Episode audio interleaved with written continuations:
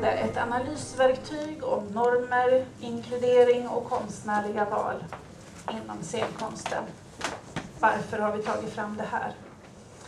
Och hur gjorde vi det?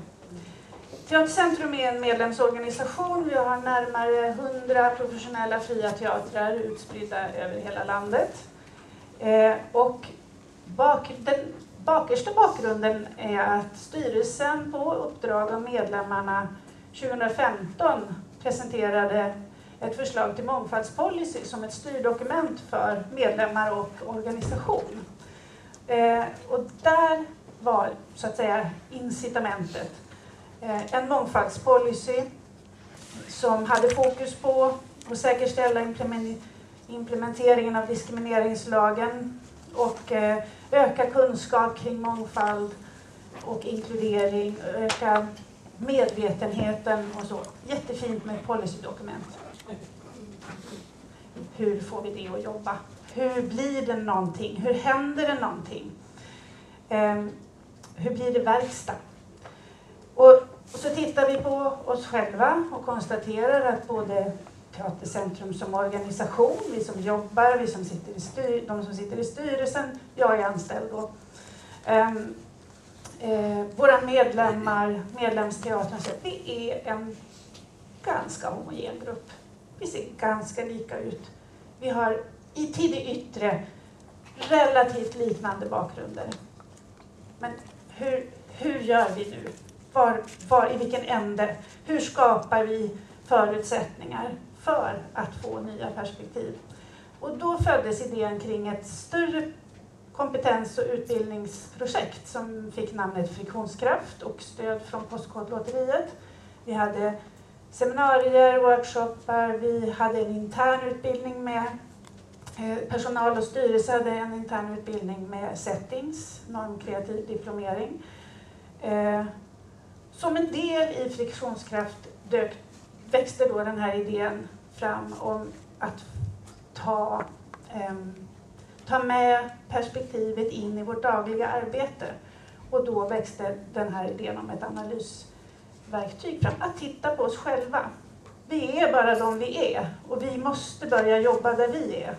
Och se vilka vi är och vad vi gör och medvetandegöra hur det ser ut. Då projektuppdraget till det här verktyget blev väldigt pretentiöst. Det skulle, det skulle göra allt det skulle förändra världen. Ehm, men ändå den här, att ha formulerat den här önskan på något sätt eh, var, var användbart. Och det slutade med ehm, ett, ett ehm, uppdrag till att hitta ett analysverktyg, att forma ett analysverktyg som kan vara till stöd och inspiration för teatrar att systematiskt och över tid reflektera och diskutera kring normer och inkludering och mångfald i det egna arbetet. Vi hade Karin Westlund som då var vikarie för min kollega i Göteborg. Eh, fick uppdraget som att göra research och vara redaktör för eh, verktyget. Hon tittade på befintliga verktygsmodeller finns ju massa olika så att säga och checklistor och annat. Styrelseprojekt, ja, alltså personal, vi var inne och, och tittade på de här frågeställningarna som Karin under sitt research och redaktörsjobb då jobbade fram. Huvudfokus var på att teatrarnas perspektiv, att hitta frågeställningar och sånt som, som liksom går att använda i varje dag jobbet. Men det mycket sammanfaller ju med att också vara presentatör, arrangör, att programlägga. Så, så därför har också verktyget fått två sidor. De, mycket är lika, men de har en liten annan nyans och ett liten annan, litet annat perspektiv. Så det finns en kring, för arrangörer, eller det perspektivet då, att prata programläggning, och repertoarval över längre tid. Den här referensgruppen försökte vi då hitta eh, personer som har erfarenheter och arbetar på områden där vi själva kanske då inte var så insatta. Eh, och att se att vi inte var ute och cyklade helt enkelt. På vilket sätt kan man säga att det här verktyget är enormt kreativt då? Och vi menar ju då att, att, att, ta, att hitta ett hjälpmedel som får oss att, att i vardagen, i varje, i vårt egna arbete sätta igång med tankearbetet och med diskussionen, med utvärderingen och därmed skapa möjligheter för att utveckla och förändra den egna verksamheten. Att gå från policy till verkstad helt enkelt. Vi gräver där vi står. Eh, Verktyget bygger på eh, diskrimineringslagens sju diskrimineringsgrunder. Vi har haft de perspektiven. Det ska vara lättillgängligt, det ska vara gratis tack vare Postkodlotteriet då, får man säga. Mm. Även den engelska översättningen fick vi till med, för att vi hade pengar kvar.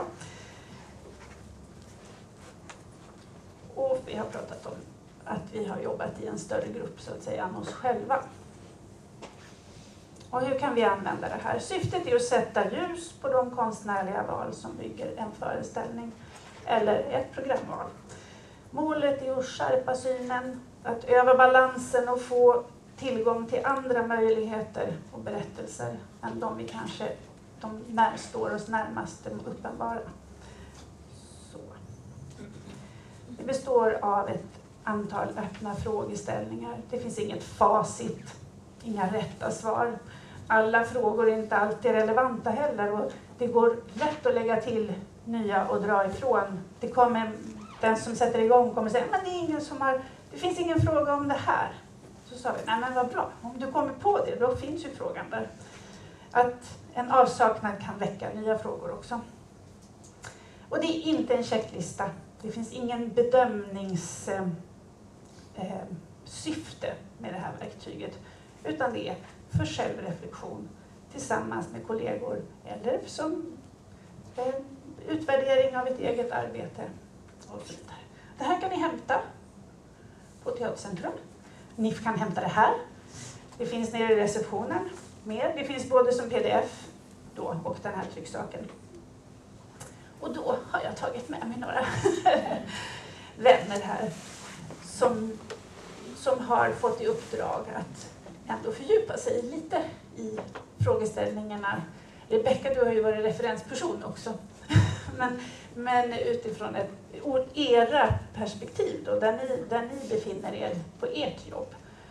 Och jag tänkte, Rolf, eh, jag frågar dig lite först, på vilket sätt har, nu när, när inför det här så att säga, eh, har ni på teatern diskuterat det eller, eller har du själv suttit nere? På vilket sätt har du bekantat dig förutom att du satt med i styrelsen då?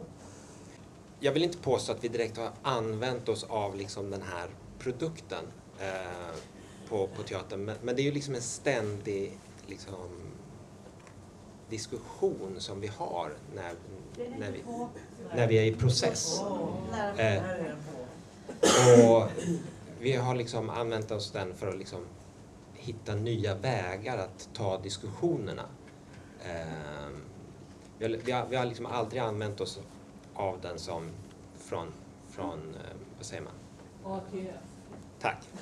eh, men däremot så har jag som producent eh, använt mig ganska mycket av den för att eh, jag är inte bara producent, jag är även arrangör.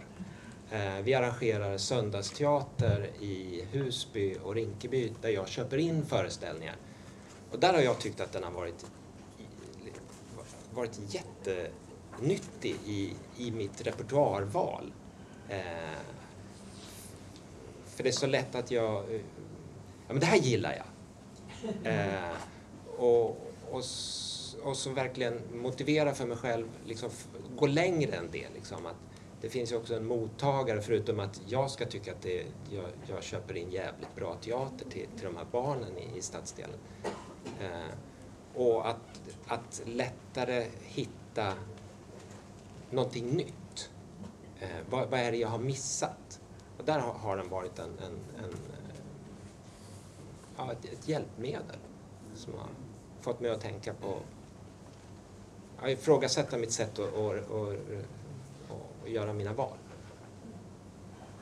När du, när du ser till teaterns arbete, och det, du sitter också som konstnär, en av eh, flera konstnärliga ledare för Mitt.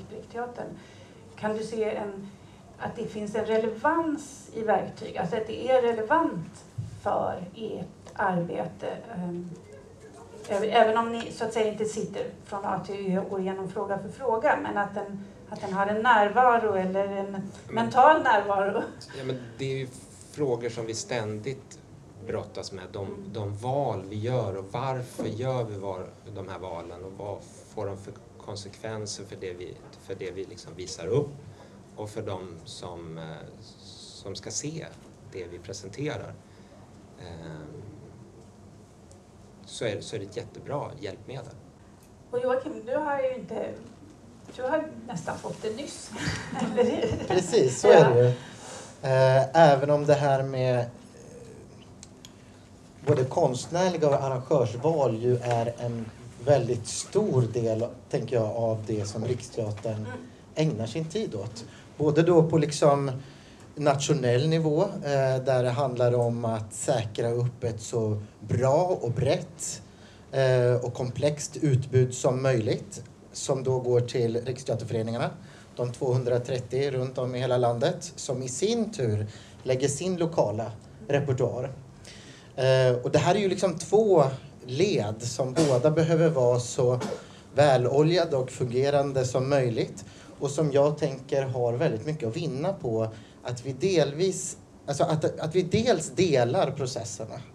Och för att kunna dela det så finns det väldigt mycket att vinna på att vi har eh, ett någorlunda gemensamt språk och kanske också ger oss på att möta samma typ av eh, frågeställningar eller speglar eh, där vi också kan alltså, successivt få in dem som en mer eh, eh, reflexartad så att, vi, ja, så att de helt enkelt ligger närmare oss själva även fast det kanske inte är vår levda erfarenhet som rör precis de perspektiven så får vi in det. Mm. Eh, och som du också var inne på, sa, genom att föra de samtalen så, så väcker vi också andra perspektiv som inte finns med kanske i den tryckta folden och som kanske inte har funnits med i förra eller förrförra samtalet men plötsligt får vi fatt i någonting och säger att det här ska vi nu komma ihåg och, och, och bära vidare.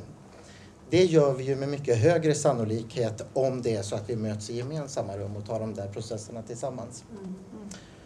Och sen tänker jag också att det är eh, det är viktigt att eh, använda, och det tycker jag väldigt mycket om med den här foldern, att det, är, eh, att det just inte är en checklista. Det finns inga rätta svar. Det är frågor, det är perspektiv som vill hjälpa oss att få dem så medvetna som möjligt. Mm.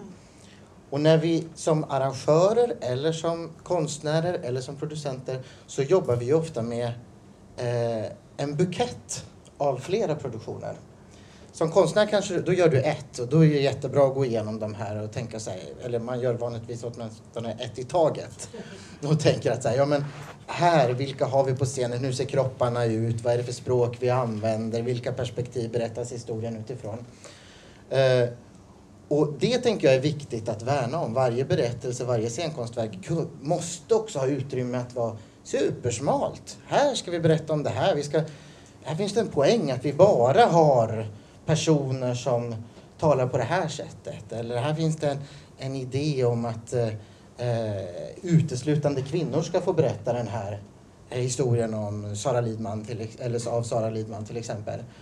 Eh, det betyder ju inte eh, att det är fel konstnärligt val. Men det är bra att spegla sig i det och det är bra att vässa sina eh, både argument för men också att få syn på det som kanske har varit helt blint. För en annan gång så har, har jag ju råkat eh, göra samma manöver eh, fast det inte hade den där konstnärliga udden. Men på repertoarnivå då handlar det ju om att sätta ihop en, en bukett där så många perspektiv och medvetna val finns med som möjligt. Eh, där det, tänker jag då, inte nödvändigtvis behöver vara så att varje produktion ska vara liksom en slags eh, Spice Girls-uppsättning med liksom en av varje sort och en sån låt och en sån låt och en sån. Alltså, då får vi ju väldigt lika enheter i repertoaren. Det tror jag få av oss här inne längtar efter. Även om det kanske kan pigga upp och, och möta en sån då och då också. Eh, men jag tänker att det där är viktigt att ha med sig. Vi jobbar med liksom större utbud och det kan vara breda som ska täckas över en säsong eller två säsonger eller tre säsonger. Eh, och så ska vi också kunna använda en sån här produkt. Eh, och så tycker jag väldigt mycket om det här vändbara. Arrangör, konstnärligt team och ensemble. Dels för att verktyget blir liksom användbart på så sätt. Men det gör också någonting med statusen. Jag tänker att här har liksom, i de här frågeställningarna har arrangörer en enormt viktig roll. Eh, och genom att samla det på det här sättet eh, där det är liksom samma typ av frågeställningar, det är samma sidantal, det är samma produkt så säger det också att det här är någonting vi gör tillsammans eh, och är en liten kedja, eller en länk i den här kedjan eh, blind för de här perspektiven, ja, då blir det inte starkare än den eh, svaga kedjan i slutändan när, när publiken möts. Ja. Mm. Och Rebecka, du, du jobbar ju liksom med de här frågorna på många andra områden också, så det är inte bara inom scenkonst utan eh, ledarskap och organisationsutveckling. Och du var ju en av våra eh, referenspersoner, bland annat för att vi också samtidigt gick den här eh, utbildningen med dig förstås. Men naturligtvis för det breda perspektiv du har på, på frågeställningarna, på perspektiven i, i liksom arbetslivet överhuvudtaget. Så när, när du fick det här, när du, du, när du fick det som första så att säga, vad, vad var det du såg som användbart i, i ditt arbete? Mm. Nej, men jag blev eh, också väldigt glad. Det är flera saker som eh, Joakim redan har varit inne på här som jag också eh, tänkte ta upp. Alltså det första var ju just det här, vad skönt att det inte var den här checken. Jag tänker att när man leder mycket förändringsarbete, mycket motstånd till förändring bottnar ju ofta i olika slags Eh, rädslor som man kan ha. Alltså vad, vad händer nu om vi förändrar? Såklart så kan det vara en rädsla när vi utmanar makt eller så. Men det kan också vara en rädsla med vad händer med mig, med min roll här och sådär. Och jag som jobbar mycket med normkritiska perspektiv och rättviseperspektiv och så. Där finns det ju ofta en rädsla. Jag jobbar ju mycket inom konstnärliga processer också. Att det på något sätt finns en motsättning mellan de här perspektiven och det konstnärliga.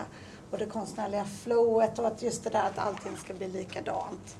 Eh, och sådär på olika sätt. Och därför tyckte jag så mycket om den här formen som ni valde att göra, att ni ställer de här öppna frågorna. För det är ju inte så att vi vill ha mer av samma, utan tvärtom. Mer plats för fler olika perspektiv, olika berättelser som kan vara gestaltade på hur många olika sätt som helst. Alltså att verkligen använda scenkonstens eh, potential. Och, och, sen så är det ju eh, precis som du säger också att eh, det är klart att det här ingår i det konstnärliga arbetet att vrida och vända på perspektiv. Men som vi vet så har vi ju alla blinda fläckar så vissa saker vänder och vrider vi inte på. Och det som händer då också i vår konstnärliga utövning är ju att vi kan bli ganska förutsägbara. Eh, att vi upprepar det vi har sett tusen gånger förut. Och sådär. Så att jag tänker också att det är fint att, jag brukar ju ofta trycka på det, jag tycker ju om det här begreppet normkreativ, just att det kan vara verkligen kreativt att jobba med de här frågorna. Både i den utkomsten som kommer, alltså att, att scenkonsten blir breddad och ger fler och mer, ännu mer intressanta perspektiv och, och så. Men också i min egen konstnärliga process. Att den här typen av frågor kan hjälpa mig att ta, ta mig själv till oväntade platser att också liksom bredda min egen eh, verktygslåda på en, på en massa olika sätt. Och, och det tänker jag att, eh, att det kan vara bra just att, att ha en sån här att, så att det verkligen blir av. Mm. Att, man, att man faktiskt sätter sig ner och jobbar med den här aktivt. Mm. Och jag skulle vara jättenyfiken att jobba med den här eh, på, på många olika sätt. Mm. Jag tänker på, var det då, när ni tittar igenom så här, fanns det några, var frågorna förvänta, just det här, det här är ju någonting eh, val, de konstnär, diskussionerna kring de konstnärliga valen och så vidare. Men fanns det frågor då, kändes det bara förväntade frågor eller fanns det frågor som var överraskande när, när de dök upp? Eller att jaha, eh, kan, jag, kan jag ställa den på det här sättet också? Fanns det någon, någonting i, i frågeställningarna som ni fastnade för eller blev överraskade av? Jag, jag, eh, jag blev uppåt och det betyder kanske att jag blev i någon mån överraskad över mängden frågor och att också gå in på eh, en, en, en ganska liksom ty, hög grad av konkretion på sina ställen. Mm. Eh, här där, kring rollerna till exempel. Vilken roll bestämmer? Tar initiativ? Mm. Blir kär? Bryter mot lagen? Är passiv? Offrar sig? Mm. Vilken roll lär sig någonting nytt? Eh, med uppmaningen då att fylla på det där. Alltså, bara när jag läser det högt för mig själv Mm. eh, så tycker jag att det händer saker som, som öppnar upp kreativa rum och som också får mig att spegla mig i mina egna konventioner kring val jag antingen gör när jag stöttar konst, eller arrangörer eller gör själv som konstnärer eller är tillsammans med andra konstnärer. Eh, så att, ja. Och jag, jag, tror att vi har mycket att vinna på att tillåta oss vara sådär superkonkreta ibland och samtidigt ibland gå upp i, liksom i helikopterperspektiv. Ja, men lite grann som i, i eran process. Alltså det här första jättestora målet, vi ska förändra världen. Och sen bryta ner det till, till någonting så superkonkret. För jag blev också väldigt glad när jag läste de här frågorna. Också för att jag tycker om antalet frågor och att det är så pass eh, fördjupande och eh, komplext. För det blir ju också lite lätt så, med checka blir lätt att vi också fastnar vid representation eh, bara. Och det är ju superviktigt med representation såklart, men det är ett första steg på vägen. Det finns också många andra sätt som vi kan utmana normer på olika sätt. Mm. Ja, och apropå representation så tänker jag att finns, jag tycker att det finns en fallgrop där eh, när vi sitter till exempel en grupp som ska fatta gemensamma beslut om vad som ska få vara på repertoaren. Eh, så har, ja men nu har vi ju eh, varit i liksom en representationsdiskurs ganska länge och när den funkar som sämst eh, då, då riskerar den att vi liksom delar upp ansvaret i tårtbitar i rummet. Och så blir det liksom, ja, bögen i rummet ska liksom, då, då börjar vi, liksom blickarna gå, nu ska Jocke säga någonting här för att den, den här frågeställningen rör väl det. Uh, och det, uppsidan med det är att det erkänner att levd erfarenhet ofta är liksom viktig, komplex, ger oss eh, nyanserad och liksom viktig kunskap.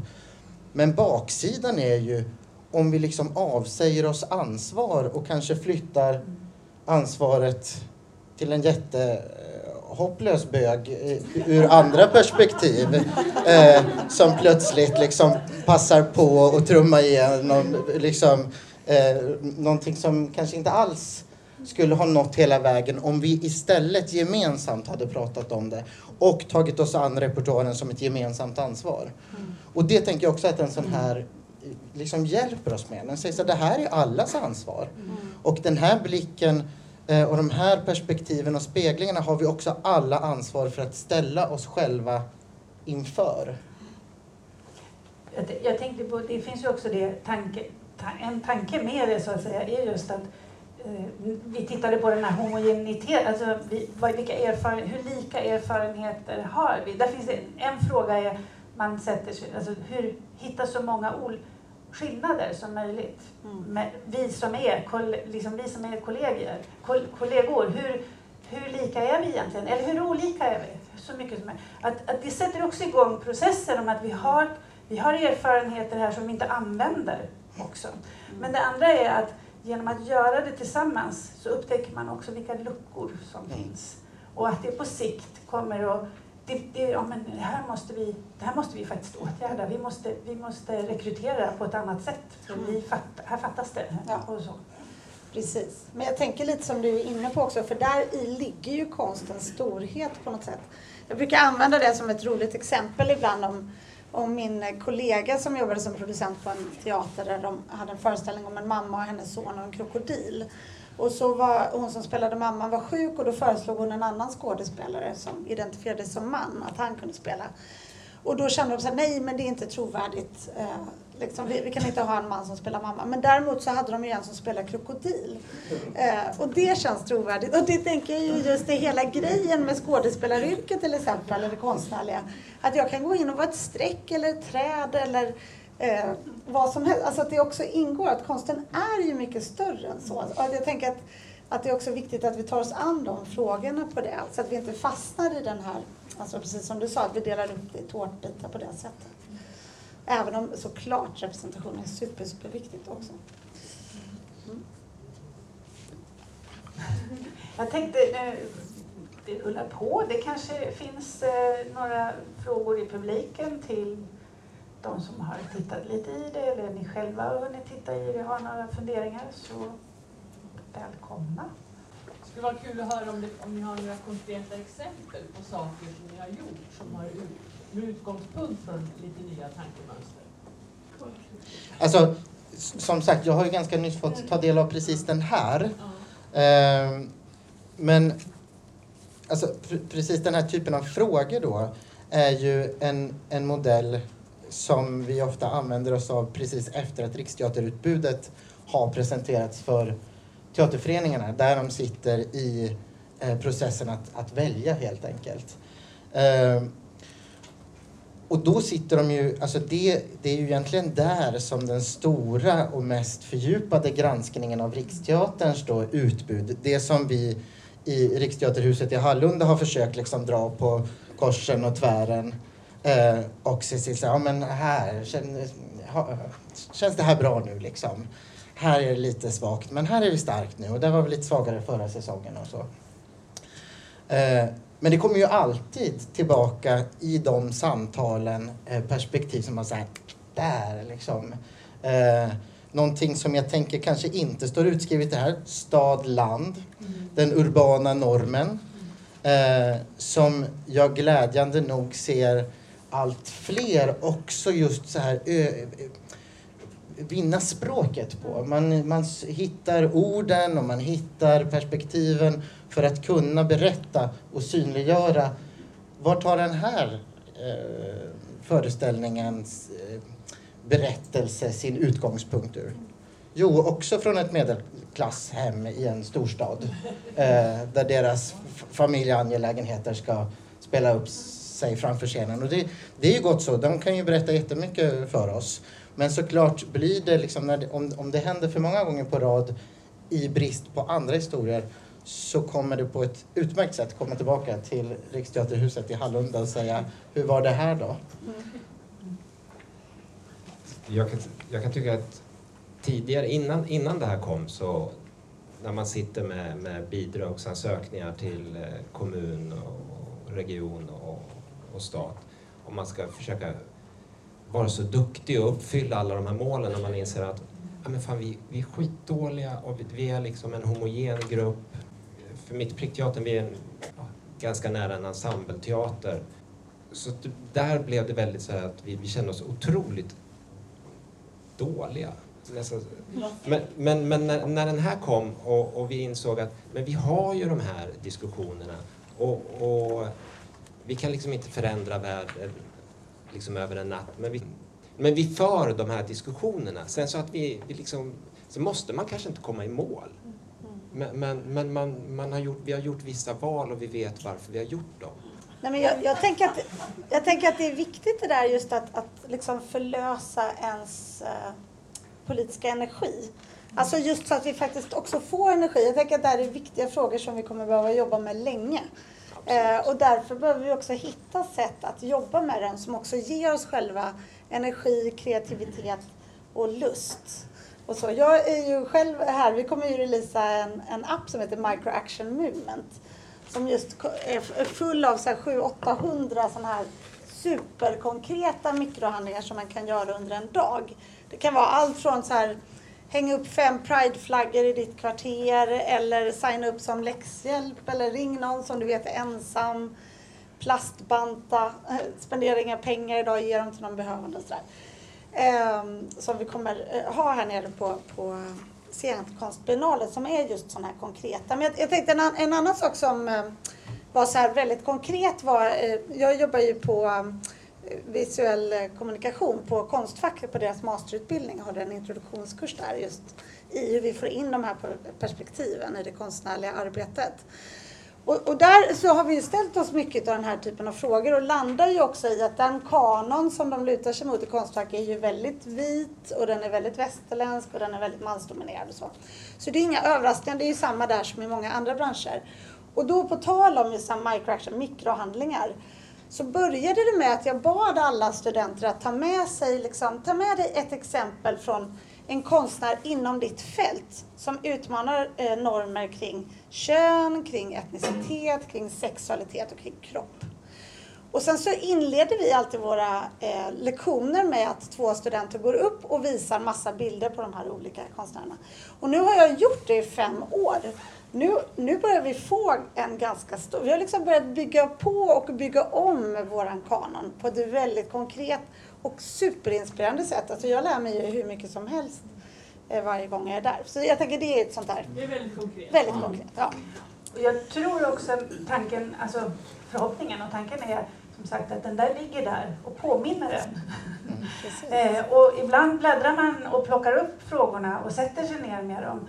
Eh, och man gör det kanske på den enskilda, som du var inne på, man kan titta på den enskilda föreställningen, den här produktionen. Hur blev det som vi hade tänkt oss? Var, var, vilka slentrianval gjorde vi och vilka, vilka medvetna val gjorde vi och så vidare. Men sen också om man tittar, och hur ser, den, hur ser det här ut ihop med det som vi gjorde förra året och året innan? Så där. Det är den buketten som du var inne på. Mm. Om jag får ta, citera ett, ett när vi lanserade den här i samband med Bibel förra året, då var den precis ny, då, då eh, fick fyra frivilliga teatrar provköra den, mot en föreställning som de också visade och delade med sig lite av eh, reflektionen. Tanken är ju inte att det här ska vara, som sagt, någon offentlig analys, utan det är ju för det egna arbetet. Men de, de, det var liksom en del av programmet. Och då var det från Skuggteatern, Emil Nilsson Mäke, som sa att ja, men i den här, just i den här produktionen så, så är det ju, vi, vi, liksom, vi vrider ju och vänder på, vi, vi undersöker könsrollerna, liksom vi, de här stereotyperna och sådär. Så att de är ju stereotypa och sådär. Så att just, just i det här fallet så var det kanske inte... Fast det är klart, om vi tittar bakåt och det skulle visa sig att vi svarar likadant på alla föreställningar vi har gjort, då måste vi nog tänka. Ja. Och det är det, att, att ha frågorna igen och igen och igen, inte bara en gång. Utan...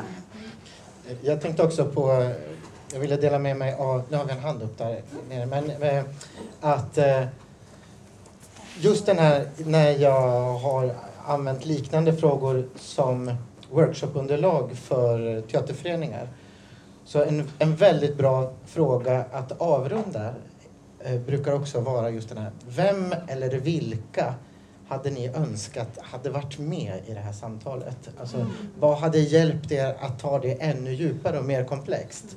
Och lyxen att göra det i en riksteaterkontext på en mindre ort är ju att det ofta finns liksom förnamn på de där personerna. eh, och inte sällan ser man att det blir personer som sen kontaktas kommer in som medlemmar och kanske sitter i styrelsen efter något år. För man inser så här, det är precis den där, den rösten och de blickarna och perspektiven som vi behöver ha in i vår verksamhet. Och då tänker jag, det är ju samma sak för en, en producerande eller en konstnärlig grupp. Jag har en fråga som jag inser är väldigt stor, men när jag tänker kring att, att, att, att jag, när jag arbetar med scenkonst, ska arbeta med som inkludering och med konstnärliga val och om normer så handlar det ju mycket om att vara relevant för den som ska möta. Liksom. Och att det där händer någonting. Mm. Eh, och att, att förhoppningsvis så innebär det att man kanske möter en ny publik eller att man berör en ny publik på något sätt. Men hur, liksom, när tror ni, eller har ni sett det? Börjar det hända? Eller hur kan man börja liksom, Um, hur kan man börja titta på det på ett bra sätt? Liksom? Att när vi börjar jobba med att, att vi gör liksom val som är, som är bättre, när tror ni att vi kan börja se effekterna av det? Eh, direkt jag tänker på, och samtidigt när jag säger det så är det såklart att så här, eh, det sker inte över natten. Men så här, ja, du beskrev det som ett mål som säger att vi ska förändra världen. Vi ska ju förändra världen. Och vi förändrar världen varje dag. Men ibland gör vi det med så, alltså, de riktigt effektiva förflyttningarna tänker jag ofta tyvärr också är små. De är små men de är stadiga. Eh, tar vi väldigt stora kliv så är risken att vi trillar omkull eller liksom drattar på rumpan bakåt igen. Men när vi gör det igen och igen så, så gör det absolut skillnad. Och jag tror att det är de där eh, ja, men som du är inne på, när vi också ser så här, åh, sen händer i publiken. De erfarenheterna ska vi vara bra på att prata om. Eh, den produktion som jag är involverad i här på biennalen, när vi träffade varann, det är för mig det exempel som har gett den största utväxlingen, där vi också har sett i publiken, där den har varit radikalt annorlunda. Eh, där, där vi har haft en språkblandning och eh, ett, en grad av första besökare där många har kommit till Sverige under de senaste två åren. Eh, och, och det ser jag ju så här, det är ju en, en följd av att det händer, är både av ett skickligt arrangörskap Eh, men också att vi har arbetat nära arrangörer och eh, närsamhällena i de konstnärliga valen. Vi vet att vi måste ha en Robert Hanoush som kan prata arabiska på ett trovärdigt sätt för att det där också ska landa på ett, på ett bra sätt i, i rummet.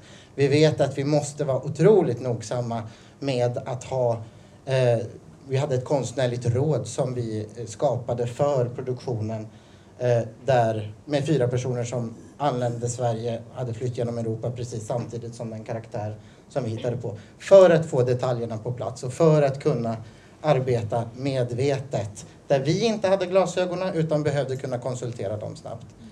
Då, då ser vi också att det, det, det blir, eh, det blir till resultat i form av möten både i numerär och kvalitet när, vi, när det väl händer. Och jag tror också Eh, att, att börja jobba med den här frågan, alltså medvetet jobba och systematiskt och kontinuerligt ändå ägna sig åt de här frågorna och se till att ta på sig de här glasögonen så blir det ju också någonting som man sen inte behöver, man tänker inte utan det, det kommer, man, öpp, man har eh, man öppnar, nu låter jag, sinnena. Men när man ökar medvetenheten. Och det gör scenkonsten mer relevant. Du kommer att berätta relevanta Eh, historier som är relevanta för fler eller för andra. Eller för, och, och där tänker jag, jag ser som, som då eh, arbetande för en medlemsorganisation, vilka, ska vi, vilka fria teatrar har vi om tio år? Vilka startar en ny fri teater eh, om tio år? Det måste ju liksom hända någonting i, i det första mötet också med teatern. Och är vi inte relevanta idag så har vi ingen teater om tio år. Så. Så det tror jag är också, relevansen är liksom syftet. Det kan man säga, friktionskraft, mångfaldspolicyn från Teatercentrums perspektiv kan man säga, ja men det handlar om överlevnad. Ska vi ha en fri, fri professionell teater som, som är relevant, då måste vi jobba med detta. Då måste vi liksom vara i de här frågorna hela tiden. Det var någon som viftade. Det var kanske jag som viftade. Nej, jag tänkte på det som du sa, apropå, sen kanske man inte liksom kommer i mål. Eh, och då tänkte jag, nej för det, det finns inget mål. Eh, och det här kanske man måste jobba långsiktigt. Jo, det här kommer vi alltid behöva jobba med. För att det rör människor, det rör berättelser. Och vi är tack och lov så komplexa varelser att när vi har blivit bra på att se någonting så kommer vi se ytterligare någonting under det. Eh, så att det blir ju förhoppningsvis, om vi fortsätter förhålla oss till det som frågor, så är det liksom livgörande snarare än liksom rätt och felskapande. Mm. Mm. Eh, tiden går. Är det någon ytterligare kommentar där? Mm, Åsa heter jag, jag jobbar som ljusdesigner. Eh, och jag, jag är väldigt glad för den här lilla frågan som finns här, hur förstärks rollerna genom musik, ljud och ljus i föreställningen? Eh, och den är apropå det hur vi ska jobba vidare och inåt. För att jag har varit med i ganska många normkreativa projekt där man har en jättefin ansats. Man kanske har, man kanske har gjort en, ett manusurval eller en, en upphovsperson som, är, som har en annan vinkel eller en ingång i ett projekt. Och sen när man väl kommer till det där arbetet vi ska göra på scenen så hamnar eh, just min yrkeskategori i att ja fast det är ju så här vi gör va. Mm. Eh, och då, det här ger ju mig verktyg att säga ja fast jag tycker inte att vi gör så. Jag ser någonting annat. För det Mm. kommer jag med min profession så ser jag någonting annat i mitt normkreativa arbete. Mm. Eh, och det är inte alla alltid med på. Eh, så, så det där med hur vi fortsätter, hur Mm. djupt kommer vi, var i alla, de, alla våra instrument vi har, Mm. hur använder vi oss av dem? Eh, så att, ja, jag, jag tycker det här är jättefint. Vad fint. Jag tror det får bli avslutande orden här för det kommer ju nya igen. Tack så mycket. Så.